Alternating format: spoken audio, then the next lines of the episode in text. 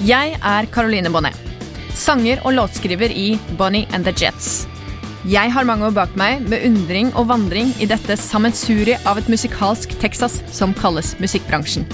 Det er mange historier, mange skjulte fakta og ikke minst mange spennende folk som skjuler seg bak denne bransjen fylt av eksentrikere, nevrotikere og alle slags snodige outcasts. Jeg bestemte meg en kveld for at jeg ville forvandle denne nysgjerrigheten til å bli min egen podkast. Jeg kommer til å invitere forskjellige gjester fra bransjen som forhåpentligvis vil fortelle meg noe nytt som muligens verken jeg eller du visste fra før. Hver episode vil kunne belyse kjente og kanskje ikke fullt så kjente sider av nettopp musikkbransjen. Dette er hashtag bransjen.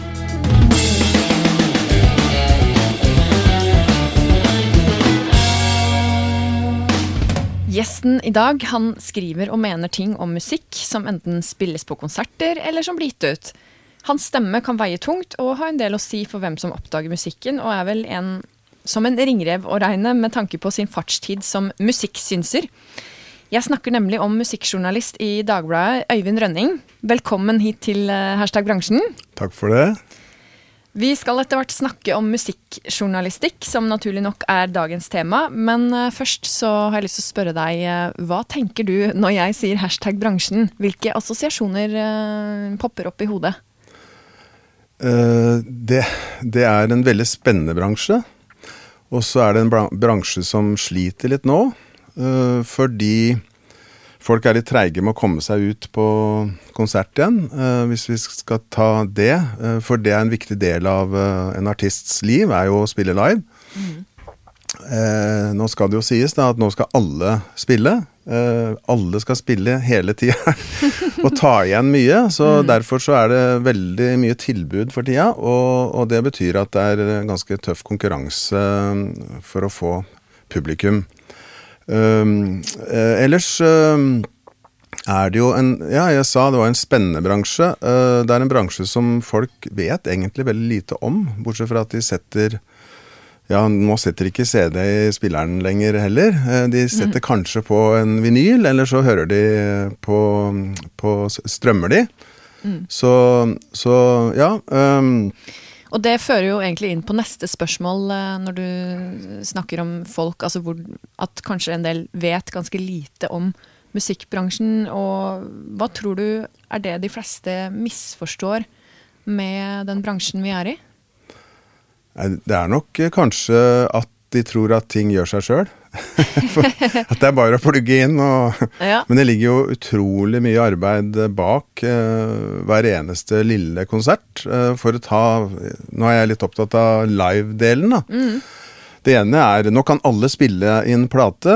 Før så måtte du inn i studio, og i gamle dager så satt de jo i ukevis. Men nå kan du sitte i ditt lille hjemmestudio og lage musikk, og du kan gi det ut sjøl, osv. Uh, men uh, det er jo fortsatt behov for uh, ildsjelene, og jeg ser hvor mange ildsjeler det er i bransjen, og som sikkert heller ikke folk vet noe om. Som ofrer all fritid for at du og jeg skal kunne gå ut og høre musikk, og som får veldig lite igjen for det. Mm. Det skulle jeg ønske at uh, Jeg kjenner mange av dem, og jeg skal ikke nevne noen navn, for det blir urettferdig, men jeg, jeg syns at de fortjener veldig honnør for, å, for å, at de står på som de gjør. Mm. Og så er det en del uh, ting uh, Det er sikkert mange som tror det at artistene rundt omkring, de de går av scenen, og så er det andre som tar seg av nedrigging og sånn. Og det er det ikke. og, og skal ikke, så, jeg skal ikke si jeg ble så overraska, men det var interessant å se Jeg var på Notodden Bluesfestival for uh, ja, n-te gang mm. i høst, og, og, der hadde Erlend Ropstad en veldig sein konsert. Eh, den var ferdig sånn ca. ti på to på natta. Ja. Og den som rigger ned sammen med resten av bandet sjøl, det er Erlend. Så, så, det er ikke Det er ikke bare moro. Uh, det er moro å stå på scenen, men det mm. følger en del med som kanskje ikke folk vet om, da. Mm. Eller tenker over. Du har jo da vært en del av musikkbransjen, kan, kanskje på en annen måte enn uh, musikerne og sånn sett artistene, men du har jo definitivt vært uh, en stor del av den, og har du noe spesielt minne fra når du følte at du var en del av det fellesskapet som kanskje musikkbransjen er, på sett og vis? Ja, det, er, det, er, vanskelig å si. Jeg, jeg, håper jeg er en del av bransjen. Uh, det Du sitter jo her, og ja, jeg tenker at det, ja, det man trenger jo folk som deg, som observerer og som følger med og hører og ja. Ja, det er kanskje større behov for oss nå enn noen gang, mm. uh, men det avspeiles ikke alltid i, i, i f.eks. i avisspaltene. Men, men, jeg har jo da jeg føler meg som en del av bransjen. Uh, og noen skulle sikkert ønske at jeg ikke var det når de får dårlig kritikk, men veldig mange syns at det er veldig hyggelig når de får, bra kritikk. Og vi er jo avhengig av hverandre, og jeg mm. føler at folk må jo få, få litt guidance da, i den vrimmeren som er. Men uh, nei, altså jeg har faktisk skrevet om musikk fra jeg var 14-15 år i lokalavisa. og da okay, var jeg, lokalavisa? Det var i Romerikes Blad. Ja. Og da var det sånn fast spalte jeg hadde, hvor det handla om liksom Nå kommer den og den med ny plate. Og, og da var det jo en, en begivenhet når f.eks. Deep Purple eller Black Sabbath uh, eller Jethro Tull kom med en ny plate. Mm. Så jeg hadde Jeg nileste New Musical Express og Sounds og Melody Maker og disse bladene, og, eller avisene. Og så og så lagde jeg min egen spalte. Og så hadde jeg noen saker på trykk, og så Og så var det ikke Jeg anmeldte ikke da, men så kom jeg inn i eh, Begynte i Dagbladet i 86, og da da jeg først, eh, hadde jeg først en annen jobb, men så og så, og så, må jeg si det at jeg har jo aldri vært anmelder på fulltid. Det er det ingen, ingen som har vært uh, ba, som bare kan anmelde musikk. Så det er ikke vanlig? Det er noe det er man ikke, gjør som en sånn bigeskjeft ved ja, siden av andre ting? Veldig mange, I veldig mange tilfeller er det sånn. Mm. Så, men i hvert fall så kom jeg inn der, og da, da begynte jeg jo da for uh, Jeg hadde vel Jeg tror jeg hadde min første uh, anmeldelse på trykk no, Om noen dager så er det 30 år siden i okay. Dagbladet. Det var en konsert med Emily Harris for øvrig, som ah, var veldig bra på Sentrum Scene. Ja. og, og, og, da eh, Fra da så følte jeg I Dagbladet så følte jeg liksom Nå er jeg kanskje litt mer en del av bransjen enn jeg var da jeg ramsa opp hvem som kom med nye plater og, og skrev i lokalavisa. Mm. Så så det er klart, som, som, en av Norges største aviser, så er det på en måte umulig å unngå at du blir en del av bransjen når du skriver om musikk. Og da skrev vi også mye mer. Vi mm. anmeldte mye mer enn det vi gjør nå. Ja. Men øh, du har jo da sånn sett øh, vært 36 år da, i Dagbladet, og så er du nå frilanser. Nei, frilanser. De siste mm. tre åra har jeg vært frilanser. Ja. Ja. Men du jobber da primært for Dagbladet, mm. eller der sakene ja. blir stort sett trykket der, da. Ja. ja. Er du utdanna journalist, eller er det jeg, jeg, jeg, er ikke det, og det, det, er jo ganske morsomt. fordi jeg, jeg søkte jo på Journalisthøgskolen, mm. og så kom jeg ikke inn, for det var så mange søkere. Og så tenkte jeg um, Det var jo synd, men uh, jeg, skrev, jeg drev jo som frilanser. Mm. Og så fikk jeg da jobb som, uh, først som redaksjonsassistent på kvelden, og mm. etter hvert uh, fikk jeg også ja, fikk jeg journalistjobb, så jeg trengte jo på en måte ikke å tenke på det. Jeg tok forberedende med tanke på å studere statsvitenskap, og så falt det også litt i fisk, da, fordi at jeg fikk jo jobb. Mm. Og det var jo mulig å få jobb, uh, større muligheter for å få jobb den gangen uten journalistutdannelse. Ja. Eh, jeg har riktignok en far og en bror som begge var, var eller er journalister. Okay. Så, så, det er liksom i familien. Skjønner. Så jeg tror kanskje at jeg har de genene. Men, eh, mm. men det var i hvert fall veldig greit da når jeg fikk eh, jobb mm. uten å gå Journalisthøgskolen. Og så har jeg på en måte følt at jeg har tatt en utdanning som har vart i faktisk da i snart 40 år, da. Ja.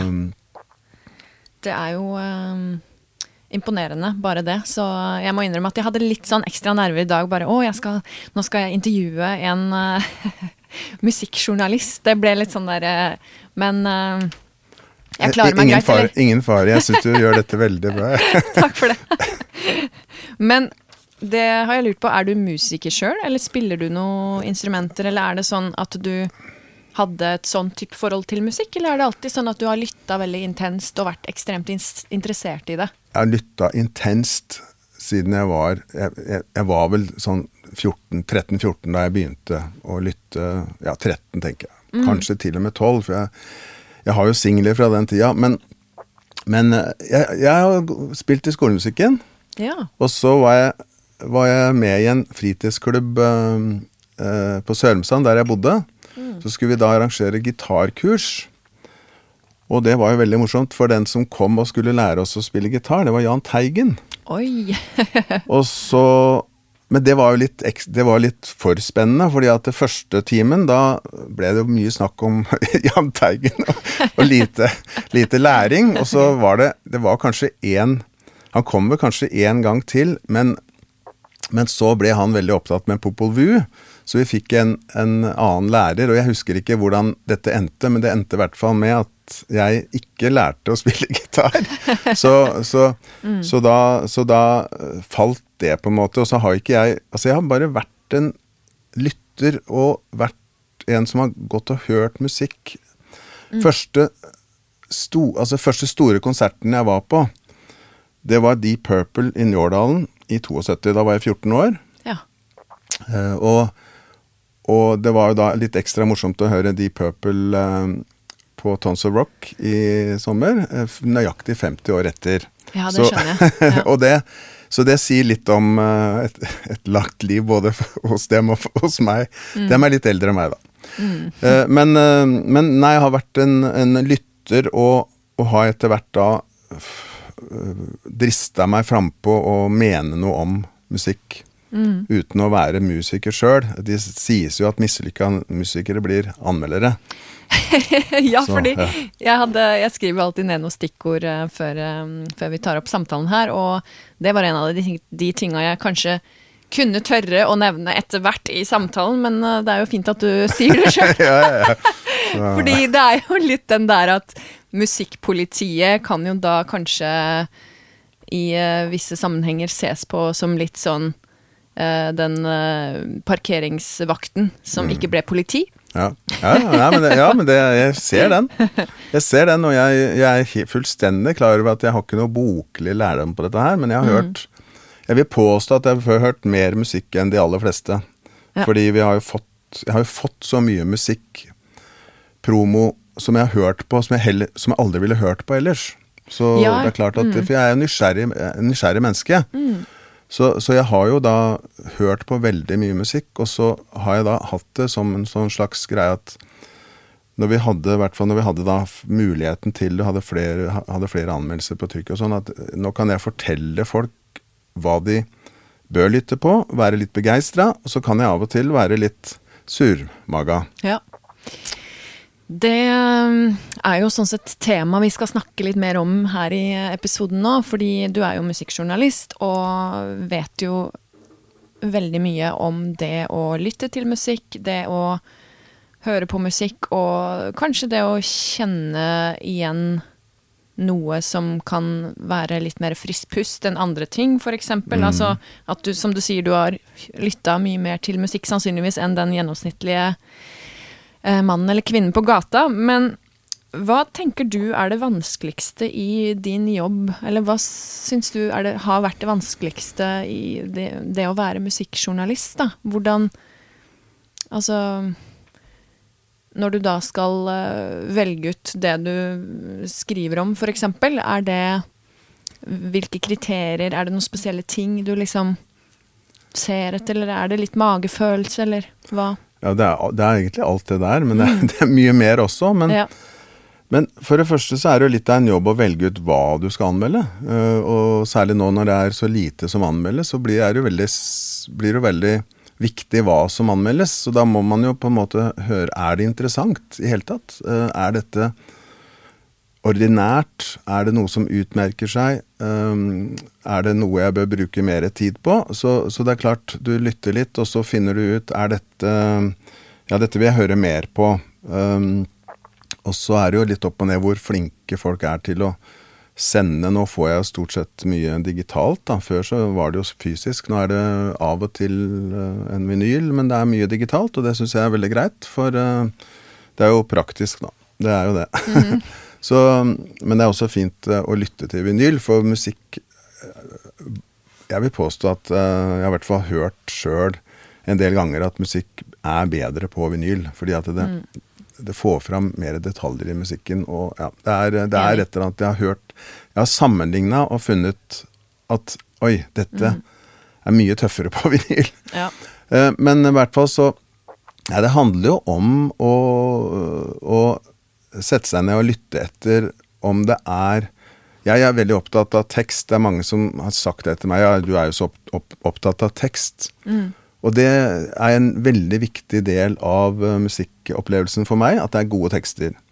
Så, så det, er, uh, det, er, veldig viktig. Uh, men så er det selvfølgelig også om, om, om det musikalske uttrykket er, er interessant. For jeg blir jo da på en måte subjektiv i den forstand at jeg, det må jo treffe meg.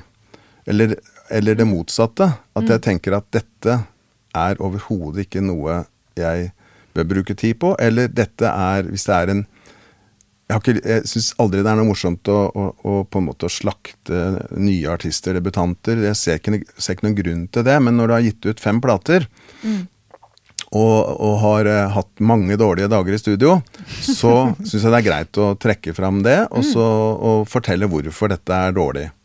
Ja. Um, men jeg ser jo etter veldig mange ting um, Det er uh, Er det Altså, er det godt produsert? Er det velspilt? Er det, er det god frasering? Er det, um, er det, er det spennende? Er det tenkt noe nytt her? er det noe som, som, utmerker seg på en eller annen måte som jeg kan gripe tak i og, og gjøre noe ut av, da.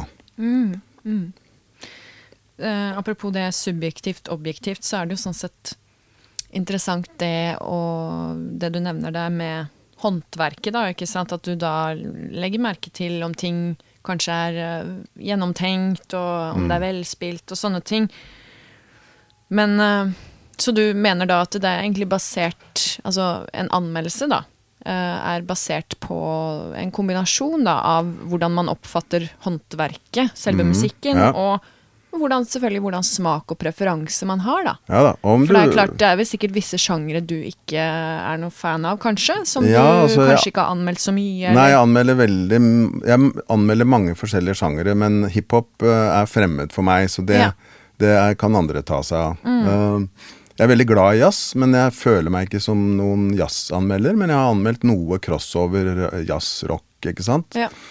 Uh, og, og, jeg uh, er gan, ja, sånn, ganske opptatt av blues, men det er jo mm. mest americana. Ja. Rock og pop som, som er mine, mine Og det er jo totalinntrykket og, som, som, er det som sitter igjen. da. Og, og det er veldig viktig, syns jeg. at Det er mulig at du kommer tilbake til det, da, men jeg syns det er viktig å, på, å si at jeg bruker veldig mye tid på hver eneste plate jeg anmelder. Mm. Um, og det har jo sammenheng med at det er jo noen som da har jobba mye med dette produktet og, og, lagt sin sjel i det, vil jeg tro. Det gjelder de aller fleste, i hvert fall. Det får vi håpe. så, så, så, da fortjener de at uh, hvis jeg skal mene om det, så skal jeg høre mye på det, og gjerne over et, hvis, over et par dager, f.eks. hvis jeg har muligheten til det. For min sinnstilstand kan jo også være annerledes dagen etter. Kanskje jeg hører det med andre ører. Um, og jeg hører det med nye ører, kanskje. Og, og det, er, det er jo sånn at de gode platene de kommer jo ikke på første lytting, de kommer kanskje på fjerde eller femte lytting. For da kommer på en måte storheten fram. Mm. Og en historie der som var en, en, en, et album som jeg skulle anmelde, og jeg hadde hørt mange ganger på det, og jeg var så i, jeg var så i tvil. Er det femmer eller sekser? Jeg hadde ja. så lyst til å gi sekser, men jeg, jeg var ikke sikker. Og så og så husker jeg at vi skulle på en sånn premiere nede i byen, da. Men jeg, jeg sammen med familien. Jeg bare tenkte Nei, jeg er nødt for å lytte en gang til. Dere må bare vente på meg, for at mm. jeg er usikker. Og så hører jeg en siste gang, og så bestemmer jeg meg for at det er en sekser. Ja. Og, og, det som er interessant da, er jo at um, jeg var ikke den eneste. Fordi når jeg ser VG og Dagsavisen, og kanskje, til, og kanskje Aftenposten også. Jeg husker ikke om alle Jo, tror også Aftenposten. Alle ga sekser, tenkte jeg. Ja, jeg er glad jeg ga den plata den ekstra lytten som, som gjorde at jeg faktisk skjønte at jo, det er en sekser, jeg går for det. Ja. Um, så, så, da, og da fikk jeg jo på en måte bekrefta at det var en riktig uh, tanke jeg hadde i hodet mitt. da, At mm. dette fortjener enda en lytt, og så ble det en, en sekser. Og. Det er i hvert fall hyggelig for artisten. Ja. Absolutt. Men uh, interessant det du nevner med sinnsstemning, og at man uh, ja, trenger litt tid til å fordøye produktet, kanskje. Og det, det høres ut som du er en kunstner sjøl, egentlig. At du rett og slett uh, bruk, har din egen metode eller din egen tilnærming til å faktisk oppfatte det du lytter, da. Det er nok riktig at jeg har en egen tilnærming, og så mm. at jeg tar det alvorlig, da. Mm. Fordi jeg syns at det fortjener artisten det du nevnte med åndsverk, at det man faktisk At man legger så mye sjel og tid i et produkt, da, er jo uh, veldig fint å høre at en med den posisjonen du har, faktisk uh, respekterer så høyt, da. For det er klart mm.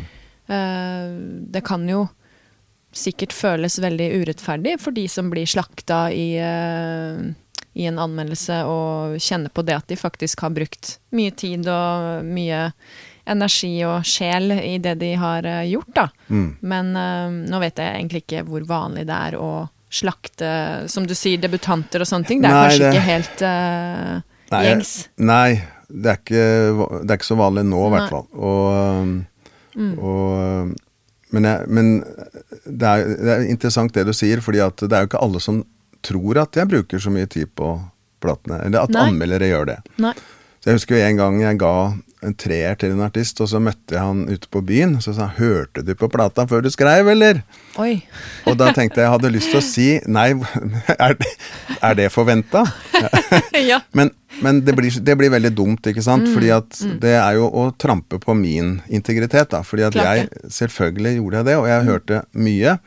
Og jeg syns ikke det du har gjort, er, er bra nok til å gi en god karakter. Mm. Og, og det det er, eh, det er, jo eh, trist for den som den det rammer, da. Men, men mm. sånn er jo på en måte Du må kalle en spade for en spade. Mm. Har dere noe sånn uh, hatt noe sånn felles julebord og sånn, dere andre altså musikkanmelderne? At dere møtes og bare Ja, hva skal vi skrive om i år?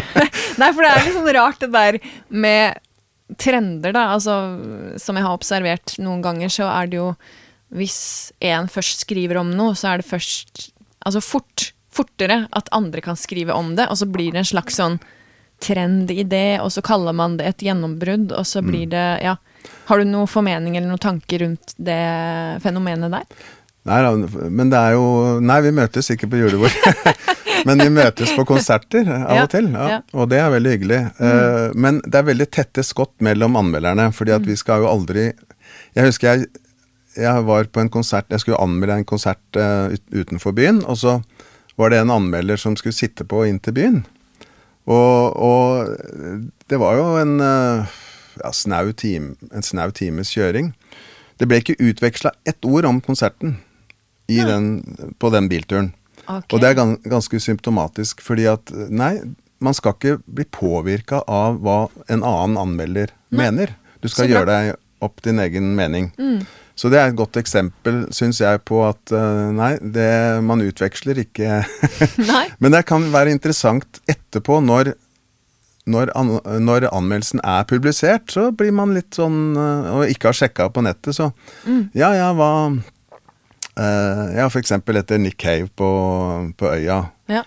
Nå. Mm. Så, så, så, hadde jeg levert, og så møtte jeg en annen anmelder på vei ut fra presserom. Så ja, ja, hva landa du på? Ja. Nei, jeg gikk til topps. Ja, det gjorde jeg òg. Mm, så, mm. så, så, det er jo Men det er første utveksling før um, Ja. Uh. Så Ja, apropos anmeldelser av konserter, da, så uh, Når jeg forberedte meg til uh, den samtalen her, så tenkte jeg uh, litt på de herre slaktingene av f.eks. store eventer, da, hvor tilsynelatende publikum har kost seg gløgg, og folk, altså 98% av de som har stått og hørt på konserten, syns det var helt amazing. Mm. Og da sikter jeg jo til f.eks. en Eagles-konsert i 1996, ja. hvor uh, Jeg var der, jeg. Men, var, der, ja. men, det var ikke jeg som anmeldte. Nei. Nei. uh, skal ikke nevne navn, men den eh, ble i hvert fall slaktet ganske bra fikk i, uh, toer i, Dagbladet. i Dagbladet. Ja. Ikke av meg. Jeg ikke av deg, nei.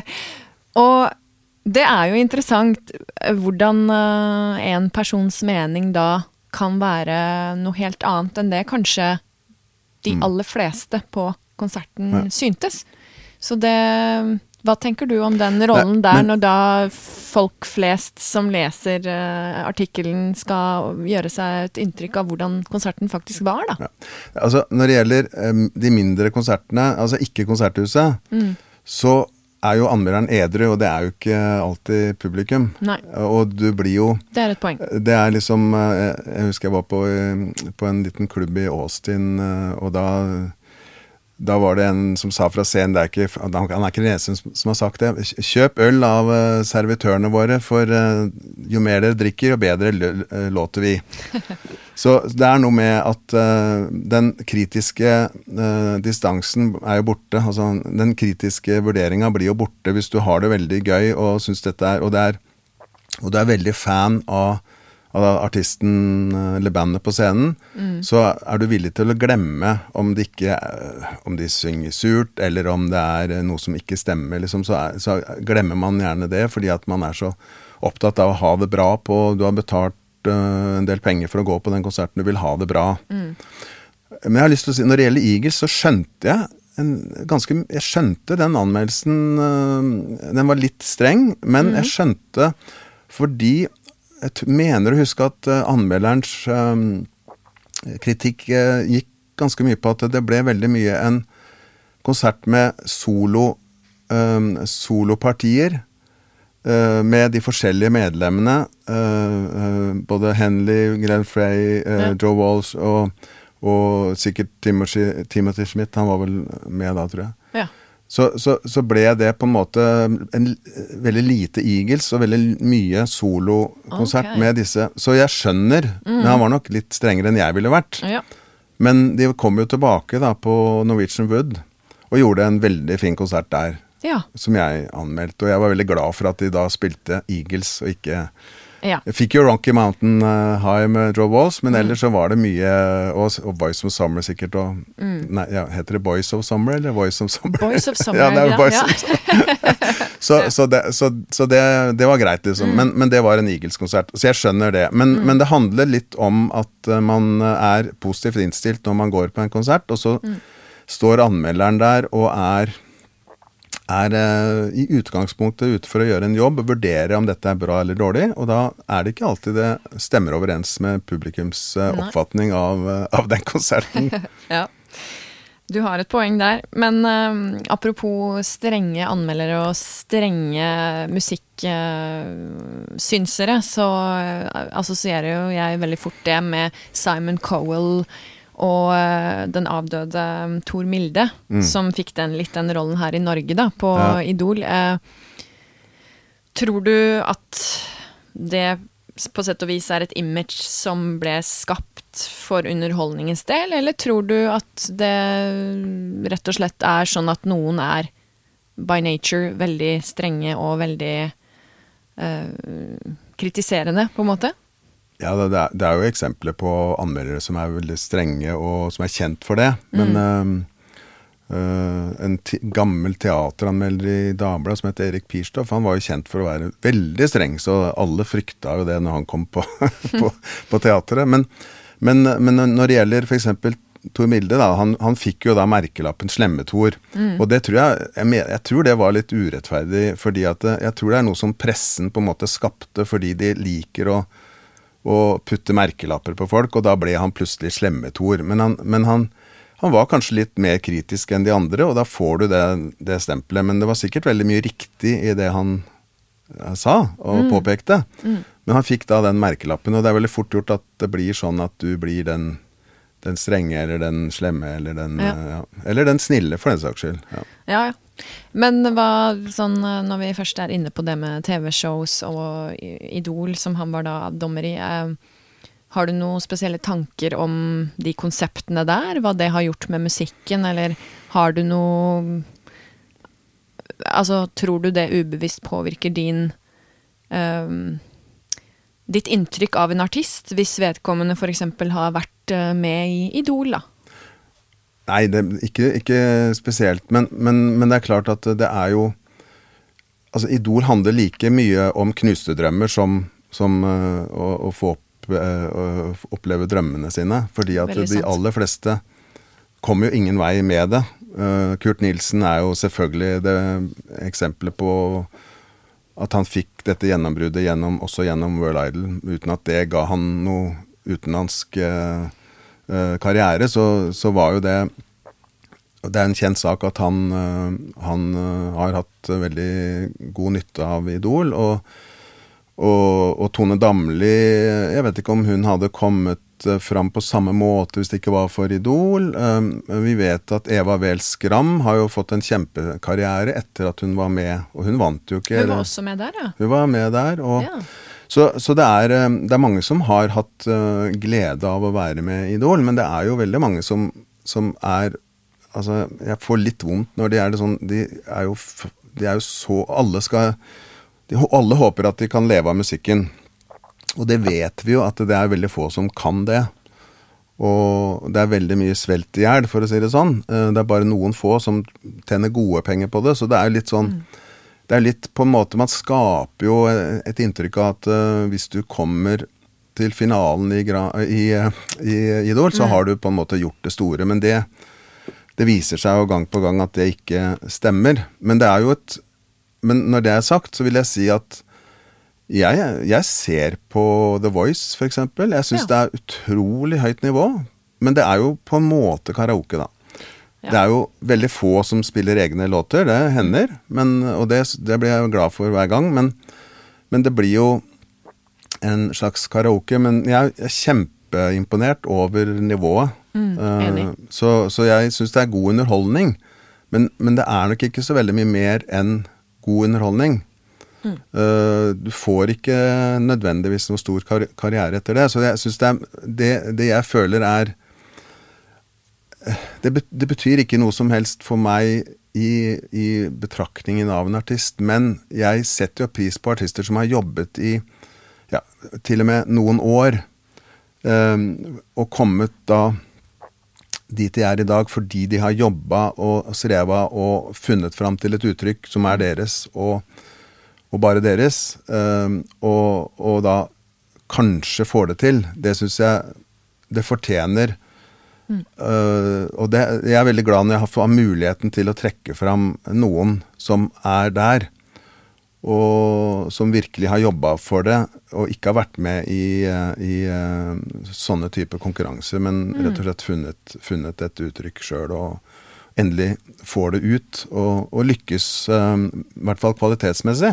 Mm, mm. Om, om, det betyr Hvor mye det betyr ellers, det, det vet man jo aldri, da.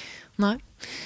Det er gode refleksjoner der, og jeg tenker jo at um, det sånn sett er uh, ja, veldig mye skjult arbeid som ligger bak de fleste musikerkarrierer og artistkarrierer, og at det, disse her showene eh, som Idol og The Voice kanskje er med på å skape de forestillingene som veldig mange mennesker har om musikkbransjen at ja, hvis du vinner her, så er alt gjort, og da blir du en popstjerne, og da er det greit, og da slipper du å løfte PA-anlegget sjøl.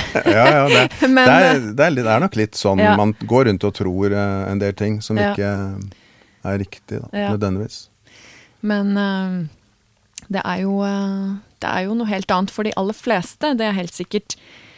Jeg lurer egentlig på hvordan du forholder deg, eller hvordan du reflekterer rundt det at kanskje en del utøvere i musikkbransjen uh, synes du har en slags makt, på sett og vis, da. Altså din maktposisjon i forhold til det å mene noe om andres uh, åndsverk, og uh, det å ha den posisjonen til å faktisk få en artist opp i lyset, da? Har du mm. noe, gjort deg noen tanker rundt det?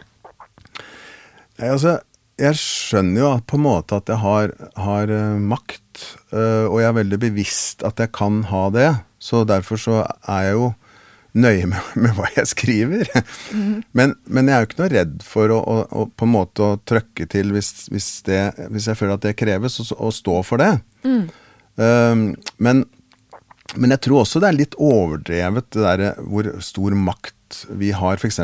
som anmeldere. For om, om, jeg gir veldig god kritikk til en uh, artist for et album, så ikke den, betyr ikke det nødvendigvis at det albumet Nå er det ikke noe som selger lenger, men for å snu mm. på det, det, det, ikke, det, betyr vel ikke dermed at, at de får uh, millionlyttinger uh, på, på strømmetjenestene. Mm. Så, så det, er, det, er, nok litt overdrevet, den makta, men, men det er jo veldig jeg, jeg er mer opptatt av at jeg tror det betyr, om jeg ikke har makt, så betyr det ganske mye for de artistene som, i hvert fall de som får, eh, får god kritikk. Så mm. betyr det noe for dem. De har en slags De har fått oppmerksomhet, og de har fått en slags øh, øh, En slags De har fått De har betyd... Altså, de, de, de har fått til noe, da noe som er riktig. Fordi i hvert fall det er anmeldere som mener at, mm. at her har vi lykkes med, å, med noe. Ja. Så, så det, det, har nok mye å si for, for, dem, for selvfølelsen. Mer enn det har for uh, lyttetall eller, eller strøm... Altså, eller uh, salg. Uh, altså mm. Det er jo Ja, som sagt, det er ikke mye salg for tida. Det er jo litt trist, men ja, og det er jo en merkelig bransje og, i forandring, for å si ja. det mildt. Og som du nevnte tidligere, så sa du det at det er mange færre anmeldelser nå enn mm. det det var. Ja. Har du noen tanker om hvorfor det er sånn? Er kultur blitt mindre viktig? Ja, det kan nesten virke sånn, fordi at nå, nå kan man jo måle hele tida hva folk klikker på. Mm. Og, og det er færre anmeldelser. Uh, altså, jeg gikk litt tilbake i tid. For 30 år siden så mm. hadde vi på en tilfeldig På en tilfeldig uh, musikkdag så hadde vi 26 anmeldelser Oi. i avisa. Og i tillegg hadde vi 18 kortanmeldelser med, pluss noen tips. Det var, det var liksom det. gullperioden. Hm. Og, um, For hvor lenge siden, sa du? Uh, det, er, det, er, snart 30 år siden. Ja. Uh, og så, uh, for, for uh, eh, 20 år siden, så, så hadde vi på Det var også september. Da hadde vi 24 anmeldelser. En, en musikk Jeg lurer på om det var musikktirsdag, for det, det, har vært på flere forskjellige dager. Og så mm. uka etter hadde vi 19 anmeldelser, og, anmeldelser, og det, det sier litt om hvor mye vi satsa på det. Det var seks-sju ja, anmeldere som, mm. som skrev. og jeg var en av dem, da. Hvor mange er det nå, da? Nei, altså kontra Ja, nei, nå er det veldig få. Ja, som... I, I, Dagbladet er vi um, to skråstrek tre. Ja. Det, er litt, uh, det er to på en måte som an anmelder fast, og så, ja. og så er det også en, en, som anmelder litt, men mm, Men som du sa, det var noen og tyve anmeldelser. Altså, har du noe tall på hvor mange anmeldelser som da har vært siste uka, f.eks.? Nei, det, det, er jo én. Men det gjelder, jo, ja. det gjelder jo ikke bare Dagbladet. I VG er det vel kanskje ingen. En halv? en halv. Og, mens Aftenposten har på lørdager har uh, ofte et par, uh, kanskje til og med tre anmeldelser. Ja. Så har du Klassekampen som har Musikkmagasinet, som har uh, noen anmeldelser. Og det er, jo, det er, jo, fint at noen satser på liksom, å gjøre, lage et, et mm. bilag som kommer ut på mandager. Veldig, veldig bra som er veldig bredt da, i, i nedslagsfeltet. Det er liksom alt Ja, det er opera og rock og americana og, mm. og pop. ja. Men, men det, det, er jo veldig synd. Men, men det er, det er noe, mye som tyder på at på en måte leserne, eller de som liker musikk, har litt seg sjøl å takke. Fordi at det er det er ikke nødvendigvis um, så veldig mange som, som, som klikker på disse sakene. Nei i forhold til hva man skulle tro. Men mens derimot går du på Ramstein og anmelder Ramstein, mm. hvor det er 60 000 mennesker, så er det klart at det, det treffer veldig. Ja. Både de som er der, og de som skulle likt å ha vært der. Men en plate, et album med en kanskje ukjent artist, er, er ikke lett på en måte å selge inn, eller selge, mm. uh, i avisa. Um, fordi det ikke nødvendigvis um, er det som klikker best, da. Hm. Men uh, ja, det er jo Så de som er interessert i musikk, må jo Når det kommer anmeldelser, så må de jo lese dem. Ja. ja. det er sant. Det er faktisk uh, forbrukerne, eller uh, ja, de som Leserne, heter det.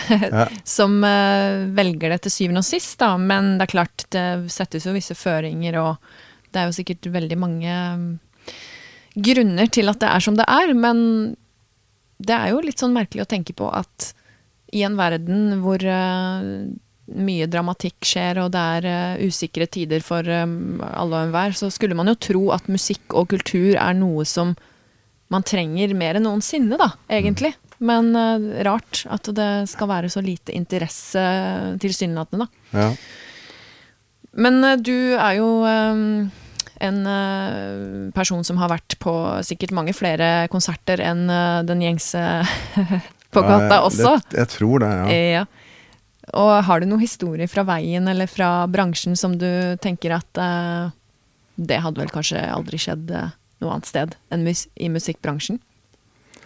Ja, da tenker jeg på møte med mennesker, hvis det, mm. hvis det er innafor. Absolutt. Ja. Det er jo ja, nei, Vi er jo altså, mennesker. Er, jeg har jo, ja, Nei, jeg har, jeg har jo gjennom, gjennom jobben øh, øh, hatt muligheten til å treffe veldig mange store artister.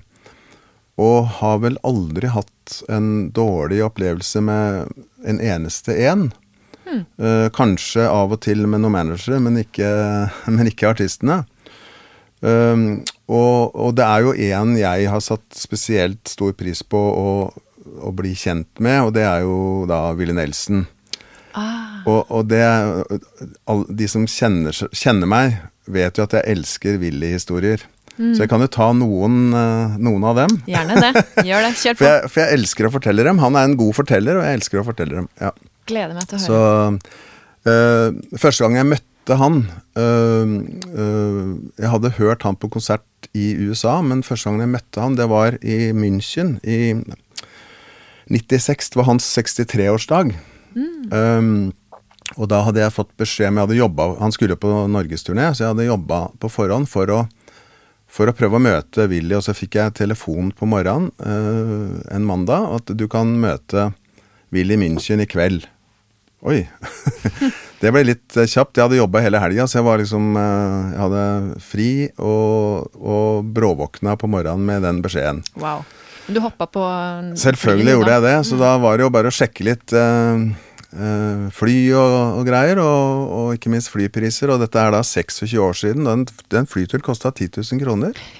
Og det var ganske mye den gangen, mm. så jeg tenkte dette får jeg sikkert ikke lov til når jeg sier hva det koster, men da fikk jeg beskjed av sjefen jo jo, kjør på. Hvis vi får møte han aleine, så gjør vi det. Mm. Og så rekker jeg akkurat konserten, og så etterpå så så skal jeg da møte Willy, eh, men først eh, skal han da er det, en, er det en liten fest for han da, fordi han hadde bursdag. Og så øh, får jeg slippe til sånn Jeg tipper at det er sånn i halv tolv-tolvtida. Ja. Og da, og da øh, endte det med at jeg helt til slutt, etter å ha snakket med han, han Og da en av de tingene som er Han er jo en, en one-liner, han er ekspert på one-linere, så han okay. Jeg spurte han uh, om den skattegjelda som han hadde. Mm. Um, og, og, det var jo da på 17 millioner dollar. Ja. Og, og, og det, det, viser seg seinere at det var nok enda mer, men han, i hvert fall, det var 17 millioner dollar det var snakk om. og da så, så, spurte, konfronterte jeg han med det, og sånn Ja, men det er ikke mye hvis du sier det fort, sånn. så, så, det er litt sånn typisk han, da. Og så, ja, og så den gangen hadde jeg veldig langt hår, mm. så, så, jeg spurte helt til slutt, da, William, så Det er én ting jeg lurte på, hvem av oss har lengst hår? Ja. Ja, let's find out, sa han. Og så, og så målte vi, og da kona Annie tok bilder. Ja. Så da ble det en dobbeltside i Dagbladet med hårfint møte med Willy. Og jeg, ah. jeg hadde lengst hår. Det var okay. jo ja. Um, og så på vei eh, Så fikk jeg skyss til hotellet, og da spurte hun som jeg fikk sitte på med, om jeg ville smake på bursdagskaka til Willy. Så jeg ja, ja, det er klart jeg skal det. Så, mm.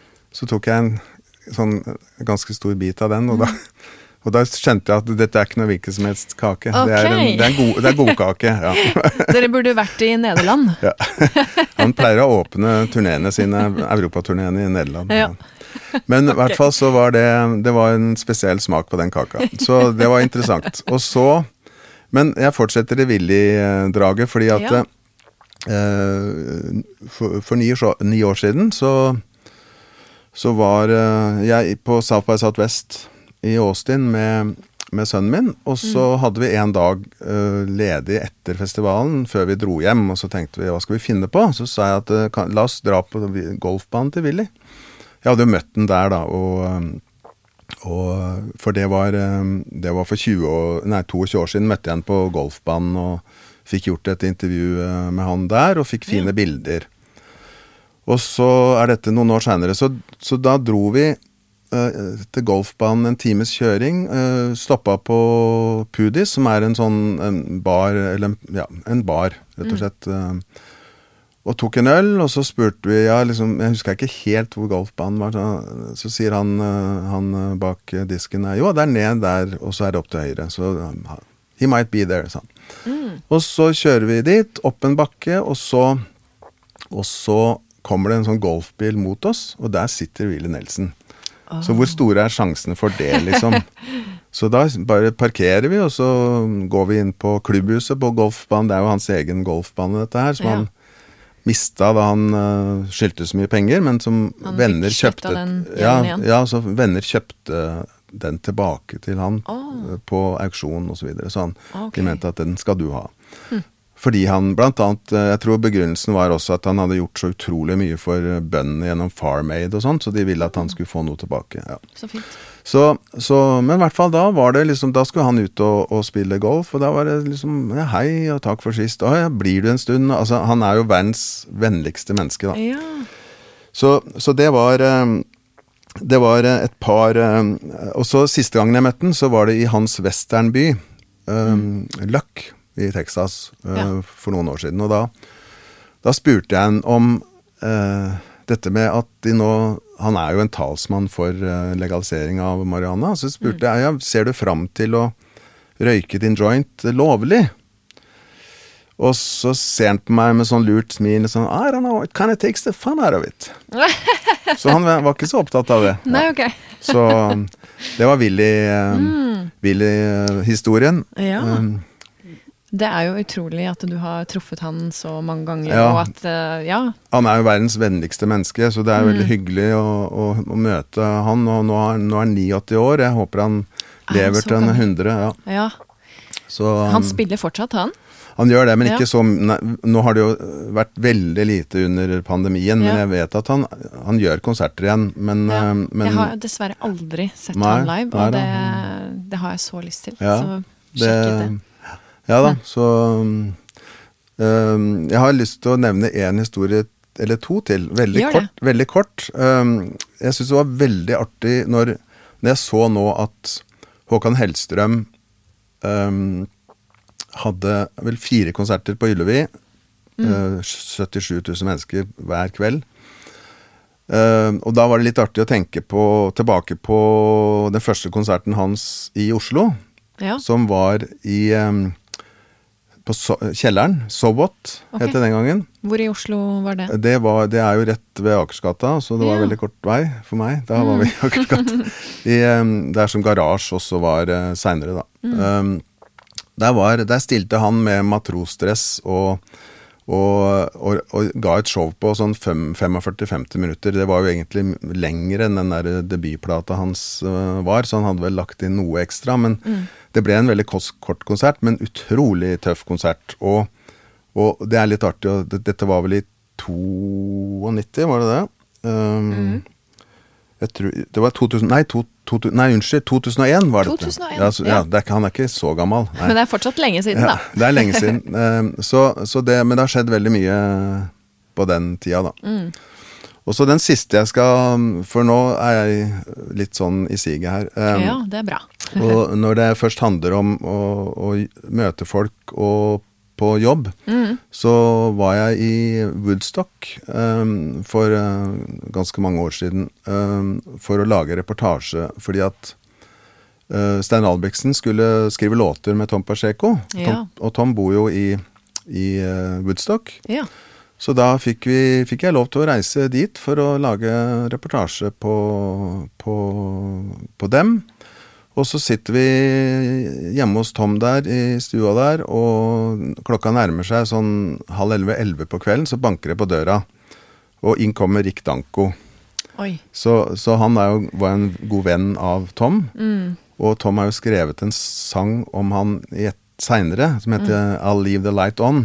Ja. For han hadde en avtale med Rick at hvis lyset står på utenfor arbeidsrommet, så kan du bare komme inn. Okay. For han likte å ta seg en tur. Mm. Så da diska Steinar opp med bergensk fiskesuppe uh, som han hadde med fra Norge, og mm. vi spiste fiskesuppe, og jeg fikk avtalt uh, etter hvert et uh, intervju med Rick. jeg hadde håpa å møte hele The Band, men dette mm. var midt på vinteren, og det var snøstorm og greier, så jeg måtte nøye meg med Rick. Men jeg fikk han mm Um, og, og, og, var med han et stykke på vei til en spillejobb, og fikk et hyggelig intervju.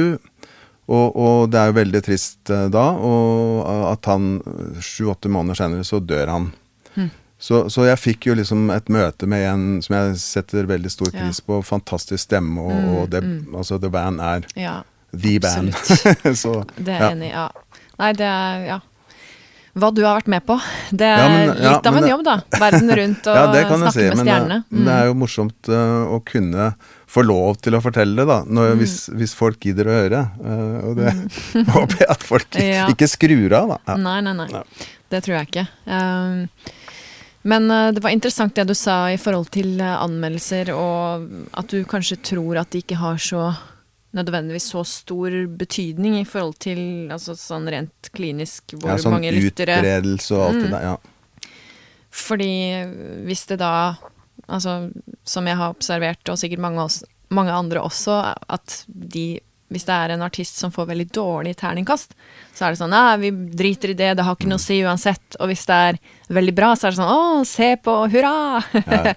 så det er jo litt sånn Man uh, bruker det på sett og vis eh, for det det er verdt, da. For, for en del så har det jo egentlig vært god reklame også å få dårlig terningkast. Noen har gjort uh, suksess på dårlig ja. terningkast, ja. så ja. Så det er så. interessant det med Men det er jo litt, det er jo litt eh, leit i disse internettider, så er det jo på en måte Er det ute, så er det ute, liksom. Mm. For det var jo et band som jeg hadde gitt veldig dårlig kritikk, da, som eh, ringte eller sendte mail, jeg husker ikke, men de lurte på om jeg kunne Om det var mulig å få sletta den anmeldelsen. Fordi at eh, hver gang folk går inn på nettet, så kom, dukker den opp. Oh. Og, og da det er jo litt det er trist, men, men, jeg måtte bare fortelle at vi kan ikke uh, slette noe på internett og la andre ting stå. Altså, er, det er noe med at uh, vi, vi kan ja. ikke sensurere bort. Så, så, jeg måtte jo bare si at det kan vi ikke, dessverre. Men, mm. men det eneste jeg kan råde Det høres kanskje arrogant ut, men det jeg kan råde dere til, er jo også at dere må lage ei bedre plate. Og så, og så kanskje dere får bedre mottagelse, ikke sant? Og da passa jeg på å, hvert fall, å nevne neste gang det kom en plate, og nevne at den var ute, og at det mm. og, og, litt om plata, og sånn at Ja. Mm. Jeg fikk vel ikke anmeldt den, fordi det var sikkert mye annet som skulle anmeldes. Men, mm. men det, er no, det, er jo tungt, det, det der, da. Um, ja, det er klart det må jo være et slags nederlag, og selvfølgelig kjennes eh, motsatt av det å føle på god selvtillit, som ja, ja. vi nevnte på i stad, ved å få en bra anmeldelse.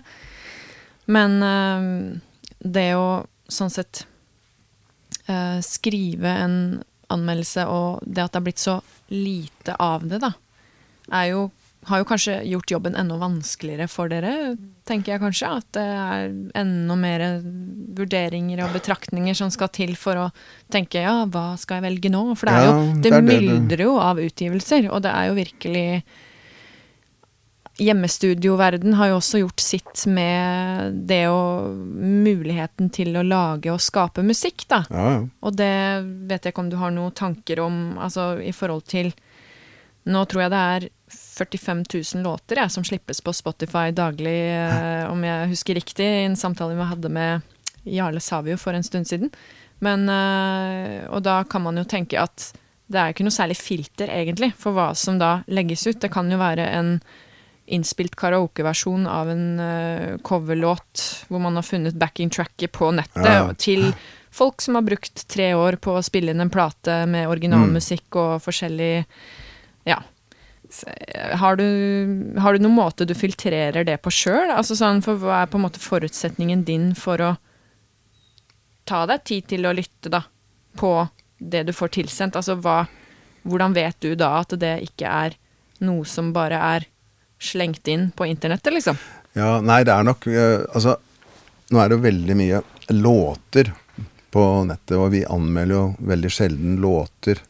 Det er jo album, og da kommer det gjerne med litt info osv. Så, videre, så vi og, og, vi må jo bare innrømme at det, som anmeldes uh, nå, er jo veldig ofte uh, kjente artister som, som, har gitt ut ting før, og mm. som vi føler at vi må anmelde. Eh, den siste anmeldelsen min eh, var forrige uke, var Jan Ove.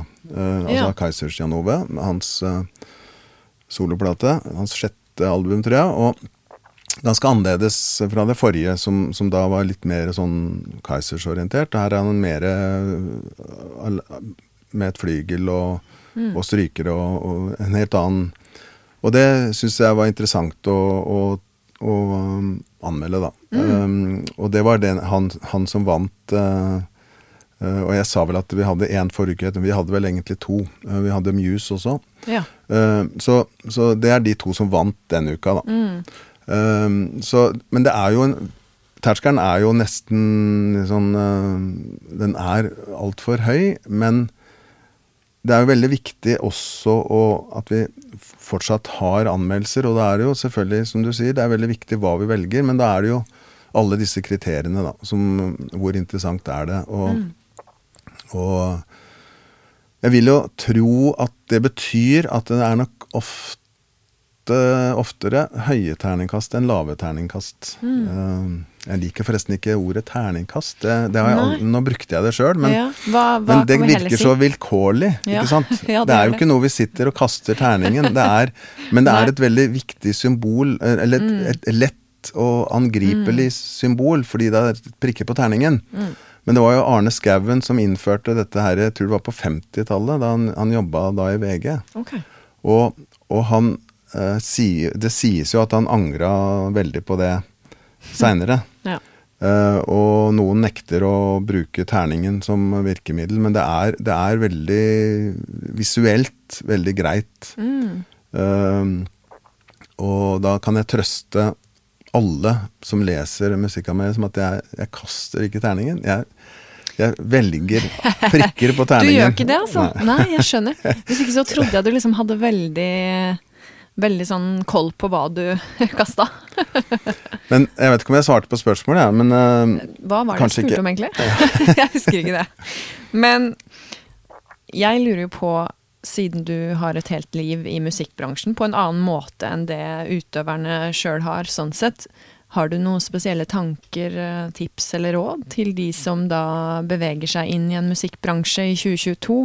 Hvordan skal man uh, få musikken sin hørt, f.eks.?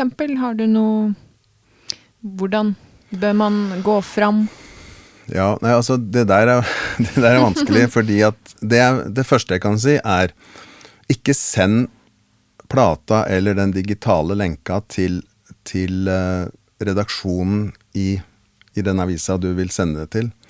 Send, finn ut hvem som anmelder i avisene, mm. og send direkte til anmelderen. Mm. En, og det gjelder selvfølgelig digitale filer eh, vel så mye, da. Uh, Uh, men ikke send til tipstelefonen, uh, for da blir det antageligvis ikke med videre. Nei.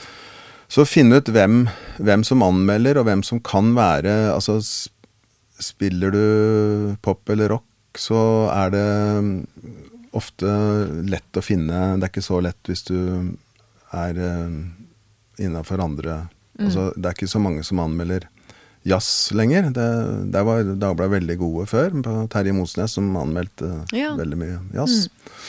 Men det der går jo Det er jo veldig personavhengig. Eh, mm. Så, så, og nettopp, nettopp, det. Det er personavhengig. Så, så, det må rett og slett handle om om uh, å treffe riktig mm. person da, mm. i redaksjonen. Hvis du vil, hvis du vil nå ut uh, f.eks. i et ørlite håp om å få en anmeldelse. Mm. Selv om den Man skal jo ikke gi opp det. Mm. Selv om uh, terskelen er blitt uh, veldig høy. Men mm. så er det jo bloggene som man må være litt opptatt av nå. Uh, finne ut hvem som blogger om musikk, og send dit. For det omtale i en blogg er jo bedre enn ingen omtale. Og mm. det er jo opp og ned hvor mange som leser disse bloggene. Men, men det, det, er jo viktig å huske på. Mm. Um, og så hvis er, og hvis du blir anmeldt og ikke er fornøyd med anmeldelsen, så behøver du ikke å neste plate skrive i liner notes at uh, hvis, jeg, hvis, jeg, treffer uh, Øyvind Rønning i Nashville, så skal jeg hive ned Cumberland River. Er det noen som har gjort det? Det var en som gjorde det. En countryartist som ikke likte anmeldelsen min. Så det ble, det ble, oh det ble en sak. Men, men så var det spørsmål om For det var jo en trussel, da, men så ble det en liten uh, sak om det i, i, i distriktsavisa i okay. det området der. Og så, så, sa jeg bare det, ja. Nei, jeg tar det veldig, tar veldig lett på det der, for jeg er ganske god til å svømme. Så det skal gå bra. Men det, det er jo ikke noe, det er ikke noe det er ikke noe vits i å, å, reagere med avsky om du ikke er fornøyd med Da er det ikke sikkert at uh, at uh, noen bryr seg neste gang. Mm. Det, er det, er det, det, er ikke det, lureste trikket. Ja. Nei, jeg ser den. Men uh, hva tenker du om musikk som skapes i dag? Altså, tror du det finnes noe sånn metningspunkt? For som jeg nevnte i stad, så er det jo da ekstremt mye låter som slippes hver dag på streaming, og det har jo vært oppe til vurdering i de her selskapene, så vidt jeg vet, at det skal være en slags mer sånn sluse på hva som faktisk blir gitt ut og ikke, da, i forhold til det med kvalitetskrav og litt forskjellige ting. Men, men nå har vi jo gjennomgått mange tiår med forskjellig type musikk, og det er jo stadig endring. Altså, tror du det liksom Stopper det opp noen gang? Tror du det Musikk, tror du det er sånn helt uh, En kilde som aldri uh, tappes, eller? Altså, jeg tror at det jeg har sett eh, i over mange år nå, er at det blir jo bare mer og mer musikk, eh, som du eh, antyder. Ja. Det blir mer og mer, og det mm. er jo fordi det er blitt så lett å spille inn musikk. Mm. Uh, du trenger ikke å, å betale i dyre dommer for, for et studio osv. Så, videre. så så det vil jo bare fortsette, og folk vil altså Du ser jo det på disse programmene, folk vil bli artister. Og, mm. og jeg, synes, jeg ser ikke noen grunn til at man ikke skal få lov til å gi ut musikken sin. Mm. Men, men, det behøver jo ikke bety at, uh, at du treffer så det, så det, er noe med at folk må jo bare uh, velge, og, og, de må finne fram til det de vil høre på. Og så, mm. og så er det jo en del som forteller forteller deg hva du bør høre på. Og, men, men, jeg ser ikke noen øh, Jeg har ikke lyst til å bremse den utviklinga der. fordi at det er veldig viktig at alle som føler at de har et uttrykksbehov, og de, de må jo få lov til å få det ut. Og, og, og, da får bare Men veldig mange drukner jo. Sånn er det jo. Mm. Uh, det, ja. det, vil jo Det sier seg sjøl. Det er fullstendig umulig å, å, få oversikten i det, uh, i det mylderet av musikk som er mm. nå. Og det betyr at vi som er musikkjournalister, vi burde jo selvfølgelig Vi har aldri hatt noen viktigere jobb enn vi har nå, samtidig som vi da ikke har på en måte Det blir ikke prioritert rundt omkring i avisene, så vi, får, vi har ikke muligheten til å, til å, å mene så mm. mye om, om musikk som vi kunne tenkt oss, og kanskje vært den vært den tipsbasen, da, som, mm. som, folk kunne trenge for å mm. yes, det, ja, dette må jeg høre på. Ja, ikke sant. For jeg føler jo Det er jo en merkelig verden vi lever i, og alt er under stadig utvikling. og jeg syns jo det er veldig skremmende f.eks. hva touchtelefoner og apper og forskjellig gjør med folks konsentrasjon, da. Tror du at Det blir jo egentlig en helt annen diskusjon, men tror du at uh, man har konsentrasjon om 30 år til å lytte gjennom en hel låt? Eller et helt album? Eller er det bare TikTok-videoer med reels uh, som uh, scrolles ja, nei, altså, jeg... forbi? Altså, det er litt skremmende, syns jeg. Ja, det er skremmende, for jeg tror allerede vi har kommet dit at folk lytter jo ikke på hele album, hele låter. Altså de mm. scroller hele tida. Mm. Men det som, apropos det med tips, det som er litt fint er med disse strømmetjenestene, er at de faktisk, eh, når du hører på en artist, så får du tips om andre artister. Ja. Der, kan du, der kan du oppdage mye. Det er sant. Så, så det er jo fint. Men, men nei, altså det derre det, det, det, Dessverre. Altså vi er jo Jeg er, øh, jeg er en annen generasjon som, som, som, likte å holde noe fysisk i hånda. Mm. Der er vi ikke nå. Og jeg likte å høre på et helt album og snu albumet øh, på tallerkenen. Og, mm. og, og, hele det der greiene der som fortsatt noen gjør, men ikke veldig mange, eh, det mm. er bare å innse at der er vi ikke nå. Mm. Nå folk vil ha Det er et sånt supermarked mm. hvor du bare liksom Eh, du går rundt, og så tar du Hvis det er smaksprøver, så tar du en liten mm. smaksprøve, og så går du videre. Man shopper sånn, musikk og kjæreste og ja. smågodt, liksom? Ja. ja, det, ja, men det kan virke litt sånn. Altså, er, jeg syns jo det er veldig synd, men, men, sånn Men jeg kan, jo ikke, jeg kan jo ikke argumentere mot det, eller jeg kan ikke kjempe mot det, fordi at det er jo Akkurat som folk ikke i like stor grad kjøper papiraviser lenger, mm. så, så er det sånn at folk hører jo ikke på musikk på samme måten som jeg gjorde som ung, da. Og nå høres jo Jeg er jo, ja, jeg er jo ganske gammel, men jeg høres jo, høres jo veldig gammel ut. For alt var jo ikke bedre, alt var ikke bedre før. Men, men det er noe med at mm. det, det er en annen måte å, å lytte på, f.eks. Så mm. det må vi jo bare innse. Tror du Cohen hadde noe rett i uh, teksten hans uh, 'They don't really care about music, do they'? Tror du det? Ja, At det, det, er noe man kan relatere til samfunnet mer nå enn det man gjorde før? Ja, ja, det kan godt hende. For det er jo mange som bruker uh, musikk uh, bare for å ha som en sånn bakgrunnsgreie, og som ikke mm. lytter. Um, så, så, jeg vet ikke hvem han mynta det på, om Nei. det var uh, plateselskapene, kanskje? det kan jo kan være. Ha vært kan det. være. Mm. ja. Men Nei, det er mange interessante refleksjoner, og man får jo bare håpe at det når et visst punkt en gang, da. At kanskje man ser viktigheten av det å faktisk konsentrere seg om å lytte og høre på det mm, artisten har brukt mye tid og energi og ikke minst sjel på mm. å skape. Så jeg tror vi får runda der, men det var veldig hyggelig å snakke med deg om musikkbransjen og musikkjournalistikk, Øyvind. Tusen takk for at du kom. Jo, bare hyggelig. Det var veldig hyggelig å være her. Og være en en ikke-musiker. Det er jo mm. flere ikke-musikere som har vært her, men, det det. Eh, men, eh, men, derfor desto mer hyggelig. Mm. Så takk. Og takk for at du lytter til Hashtag bransjen.